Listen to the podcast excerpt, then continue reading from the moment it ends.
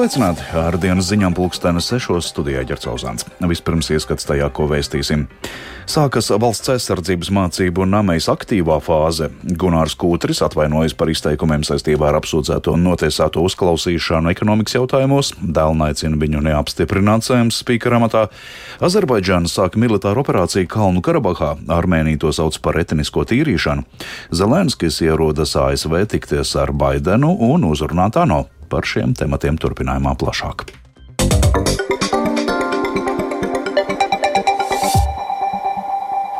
Jau divas nedēļas Latvijā notiek visaptverošas valsts aizsardzības mācības namejas, un šobrīd sākusies šo mācību aktīvā fāze, kas turpināsies līdz 2. oktobrim.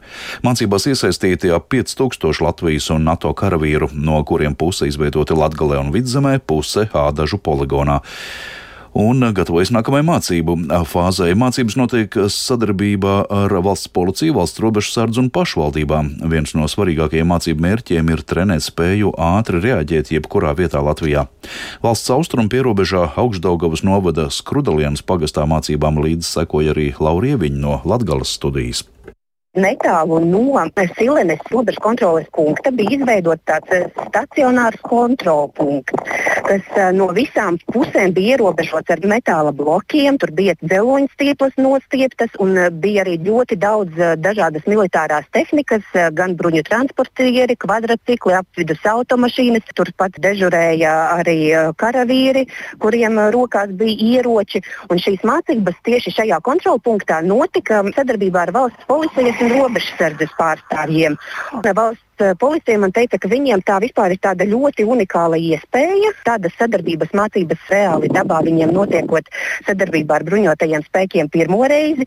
Viņi arī reāli dabā pārbaudīja automašīnas, eh, pārbaudīja, vai netiek pārvadāti nelegālie imigranti, tāpat skatījās, vai nav narkotikās vielas, akcijas preces. Bija pēc tam arī izveidots tāds mobilais kontrolpunkts nedaudz tālāk no Silenes uz Daugotos pusi.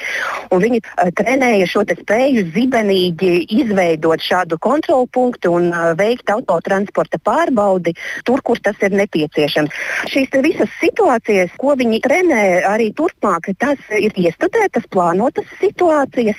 Un es parunājos arī ar vienu rotas komandieri. Viņš teica, ka šobrīd mācības viņiem notiek 24-7 režīmā. Protams, ka viņi naktīs guļ, bet nu, ļoti agri sāk. Arī šodien viņi bija sākuši mācības 5 no rīta.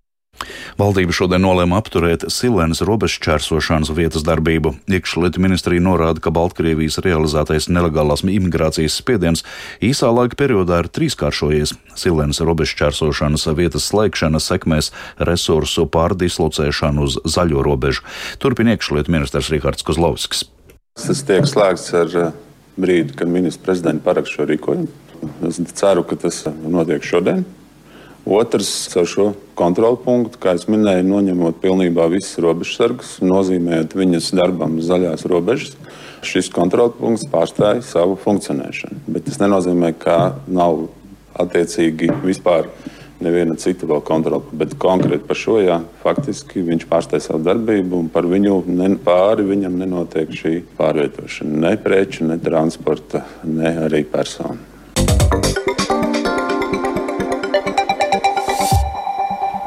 Azerbaidžānas vadība paziņojusi par pretterorismu operācijas sākšanu Kalnu Karabahas reģionā, tā esot vērsta, lai iznīcinātu etnisko armēņu apdzīvotā reģiona militāro infrastruktūru. Savukārt Armēnija to nodevējusi par etnisko tīrīšanu.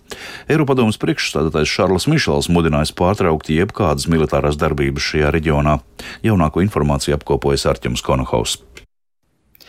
Azerbaidžānas vadība ir paziņojusi, ka tās mērķis ir atbrīvot etnisko armēņu apdzīvoto Kalnu Karabahu no Armēnijas militārajiem objektiem un separātistu režīma, kas pārvalda šo reģionu. Turpretī Armēnijas premjerministrs Nikols Pašiņāns vēlreiz atkārtoja, ka Kalnu Karabahā viņa armijas nesot. Kā zināms, Kalnu Karabaha atrodas Azerbaidžānas sastāvā, bet to pārsvarā apdzīvo armēņi. Tāpat Erevānas amatpersonas uzskata, ka Baku vēlas īstenot Kalnu Karabahā etnisko tīrīšanu. Šo frāzi lietoja arī bijušais NATO ģenerālsekretārs Anders Foks Rasmussens, kurš sacīja, ka pasauli nedrīkst klusēt, kad norisinās tāda notikumi. Ziņu aģentūra AFP vēsta, ka Kalnu Karabahas galvaspilsētā Stepanekertā notiek spēcīgas apšaudes. Pašpasludinātā neatkarīgā reģiona vadība vēsta, ka Azerbaidžānas spēki arī mēģina iekļūt tā teritorijā pa sauzemi. Savukārt Azerbaidžāna ir paziņojusi, ka ir atvērusi humāno koridoru un uzņemšanas centrus miermīlīgiem iedzīvotājiem, kuri vēlas pamest Kalnu Karabahu. Steidzami pārtraukt militāro darbību Azerbaidžānas vadību ir mudinājis ne tikai Eiropadomas vadītājs Šarls Mišels, bet arī Krievija, kuras miera uzturētāji atrodas šajā reģionā. Atgādināsim, ka pirms trim gadiem kara darbībā Kalnu Karabahā ir gājuši bojā vairāki tūkstoši cilvēku. Arčuns Konakovs Latvijas Rādio Briselē. Un jaunākā informācija liecina, ka Kalnu Karabahā šodien nogalināti vismaz divi civiliedzīvotāji un 23 ievainoti. To sociālajos medijos paziņojas Kalnu Karabahas cilvēktiesību ombudsmens Gegams Stepanjāns. 11. Ukrainas aizsardzības kontaktgrupas sanāksmē Ramšteinā Vācijā šodien apsprieda papildus militāra atbalsta sniegšanu Ukrainai, lai turpinātu stiprināt Ukrainas militārās spējas un pātrinātu eh, Ukrainas teritorijas atgūšanu. Sanāksmē piedalījās arī Latvijas aizsardzības ministrs Andrs Sprūts no progresīvajiem. Viņš stāst par Ramšteinā lemto. Šeit ir vairāk nekā 50 valsts. Uzsvars bija, ka ir jāmeklē jauni risinājumi, jauni veidi, jāveido jaunas uh, bruņojuma piegādes koalīcijas kas turpinās apbruņot Ukrainu ar tai nepieciešamiem ieročiem.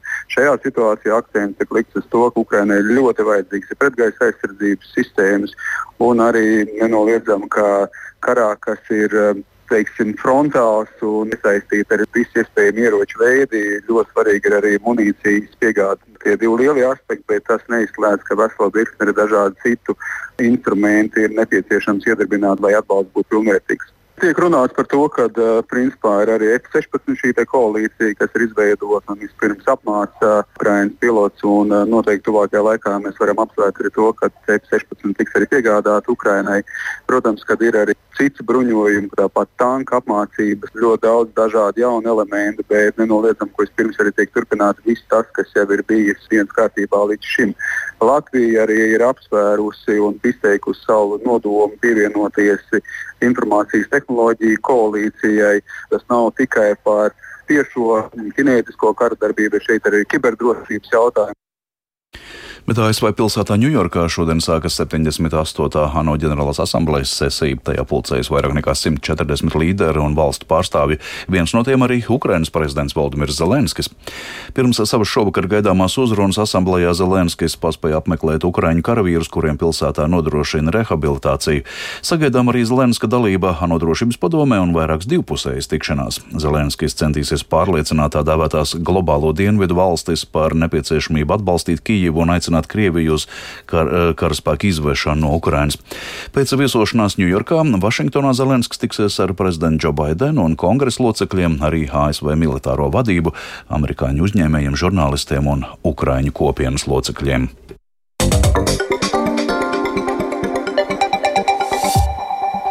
Saima saistībā ar jaunās koalīcijas izveidi rīt plāno lemt par saimnes priekšstādātāju ievēlēšanu un vēl citām izmaiņām saimnes prezidijā. Zaļo un Zemnieku savienību saimnes spīkera amatam izvirzījusi deputātu Gunāru Kūtri. Viņa izteikumi Latvijas radio redījumā krustpunktā par gatavību apspriesties arī ar apsūdzētiem un notiesātiem personāžiem raisījuši plašas diskusijas. Premjera prasīja Kūtra atvainošanos, bet sabiedrība par atklātību dēlna aicina noraidīt viņa kandidatūru. Eksperts aptaujāja Jānis Kīncis un plašāk viņa sagatavotajā ierakstā. Piekrišanai uzņemties saimas priekšsēdētāja amatu Gunāru Kūtri vajadzējis pierunāt. Viņa līdzinājā darba prakse vistiešāk saistīta ar jurisprudenci, arī ar vadītāju pieredzi. Vēl pirms valsts neatkarības atjaunošanas viņš bija pasniedzējis Latvijas valsts universitātes juridiskajā fakultātē. Vēlāk strādājis ģenerāla prokuratūrā, bijis finanšu policijas pārvaldes direktors, tieslietu ministrijas valsts sekretārs. Jau šajā gadsimtā kļuvis par satvērsmes tiesas tiesnesi, desmit gadus bijis tās priekšsēdētājs. Pievēršoties politikai, Ringu un sudrabu kļuva par vienu no partijas no sirds Latvijai veidotājiem. Šī partija bieži aplūkot kontekstā ar saitēm ar Krieviju. Jau drīz Kūtris pievienojās Zaļo Zemnieku savienībai un pērn viņu ievēlēja 14. saimā. Intervijā raidījumā Kruspunktā saimnes priekšādātāja amata kandidātam Gunāram Kūtrim vaicāja arī par ZZS premjera amata kandidāta ASV sankcijām pakļautā Aivara Lemberga reputāciju un tiesas pirmās instances lemto. Kūtris spriedumu nesot lasījis. Lemberga nodēvēja par labu saimnieku, savukārt par reputācijas jautājumiem izteicās šādi. Ja man par cilvēku ir normāls priekšstats, tad tas, vai viņš ir apsūdzēts vai notiesāts vai izsēdējis cietumā, man neietekmē. Ja es cilvēku cienu viņa noteikti darbības dēļ. Piemēram, ja man būtu jāattīsta ekonomika, es noteikti saicinātu uz kādu apspriedi Latvijā miljonārus Vienalga apsūdzētie, notiesātie, vienalga kā, ar viņiem es aprunātos par to, kur viņi saskata problēmas Latvijas ekonomikas attīstībai. Politiķa retorika izraisījusi ažiotāžu sociālajos tīklos, piesaukt arī 90. gadu atgriešanās Latvijā. Kūtra atvainošanos par šiem izteikumiem prasa arī valdības vadītāja Evika Silīna no jaunās vienotības. Šādas atklāsmes kā nepieņemamas vērtē arī sabiedrības par atklātību Dāna vadītāja Inese Tauriņa, piesaucot uztraukumu par valsts drošību un saimas prestiža graušanu. Dēlna uzsver, ka minētie aspekti ir ne tikai ZZS, bet visas jaunveidotās koalīcijas atbildība un aicina saimu neapstiprināt kūtri saimas spīkera amatā. Balsošana par izmaiņām saimas prezidijā plānota trešdienas rītā. Jānis Kincis, Latvijas radio. Saimnes priekšstādātājiem amata kandidāts Gunārs Kūters ir atvainojies par saviem izteikumiem Latvijas radio. Kūters šodien skaidro, ka nesot iemācījies politiski skaisti izteikties un ka nesot atbildīgs par ekonomikas jomu, taču viņa teiktā pamatdoma esot bijusi, ka vēlams uzklausīt cilvēkus ar pieredzi.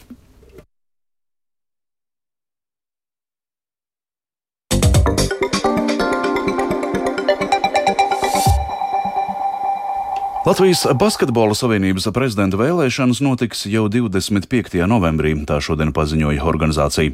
Nākamā gada 20. janvārī beigsies pašreizējā savienības vadītāja Raimonda Vējoņa pilnvars, tāpēc basketbola vide jau laikus nolēmusi izraudzīties nākamo prezidentu. Ļoti iespējams, ka Vējonis kandidēs uz otru termiņu, taču to viņš šodien sarunā ar Latvijas radio vēl neapstiprināja.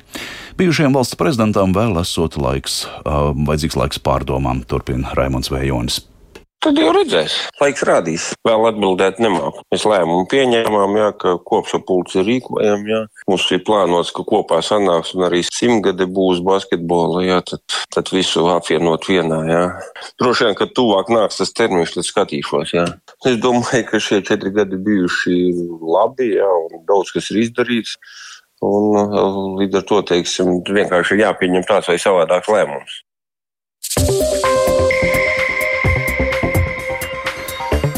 Līdz ar to izskan dienas ziņas sešos. Tās producēja Vija Bremse, par labskaņu rūpējās Renārs Šteimans, studijā Ģerts Sauzāns. Vēl par svarīgāko sākas valsts aizsardzības mācību namejas aktīvā fāze. Gunārs Kūtris atvainojas par izteikumiem saistībā ar apsūdzēto notiesāto uzklausīšanu ekonomikas jautājumos. Dēlna aicina viņu neapstiprināt saimnes spīkera amatā. Azerbaidžāna sāk militāru operāciju Kalnu Karabahā, Armēnija to sauc par etnisko tīrīšanu. Ukrainas prezidents Zelenskis ierodas ASV tikties ar Baidenu un uzrunāt ANO. Yeah.